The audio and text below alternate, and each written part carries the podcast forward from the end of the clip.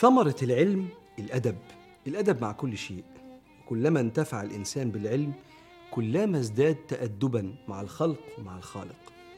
وكل ما زاد علمك بالله كلما زاد إدراكك لمعنى العبودية ولعظمة كمال الربوبية. لما سيدنا آدم عليه السلام أخطأ ظهر أدبه في نسبة النقص إلى نفسه والكمال إلى الله. قال ربنا ظلمنا أنفسنا وإن لم تغفر لنا وترحمنا لنكونن من الخاسرين. عكس إبليس الذي لم يتعلم الأدب مع الله فقال ربي بما أغويتني لأزينن لهم في الأرض ولأغوينهم أجمعين. الخضر لما جه يشرح لسيدنا موسى أفعاله الغير مفهومة ظهر منه كلام مفعم بالأدب. لما تكلم عن السفينة اللي خرقها قال أما السفينة فكانت لمساكين يعملون في البحر فأردت رغم إن ده بأمر ربنا فأردت أن أعيبها وكان وراءهم ملك يأخذ كل سفينة غصبا. ولما جه عند الجدار قال وأما الجدار فكان لغلامين يتيمين في المدينة وكان تحته كنز لهما وكان أبوهما صالحا فأراد ربك أن يبلغا أشدهما ويستخرج كنزهما رحمة من ربك وما فعلته عن أمري. كأنه بينسب العيب للنفس والإحسان والإكرام لله. كأنه بيقول للعالم كله الله لا يفعل الشر المطلق. حتى ولو كان هناك ظاهر الإيذاء أو الضر فالنفع اللي هيرجع من وراه أكبر لأنه فعل الله. فالله لا يخلق شرا محضا.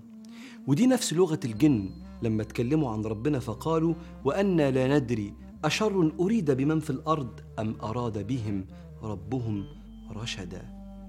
اللغة الممتلئة بنفس الخيرية دي جت على لسان أبو الأنبياء سيدنا إبراهيم. لما كان بيوصف ربنا فقال الذي خلقني فهو يهدين والذي هو يطعمني ويسقين وإذا مرضت. شوف نسب المرض لنفسه ما قالش وإذا أمرضني قال وإذا مرضت فهو يشفين.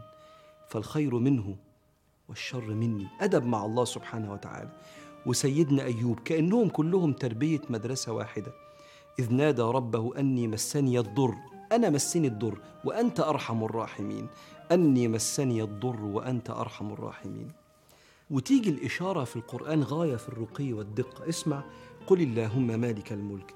تؤتي الملك من تشاء وتنزع الملك ممن تشاء وتعز من تشاء وتذل من تشاء. سمى الأربعة دول العزة والذلة وإتيان الملك ونزع الملك. قال بيدك الخير. كل ده خير. إنك على كل شيء قدير.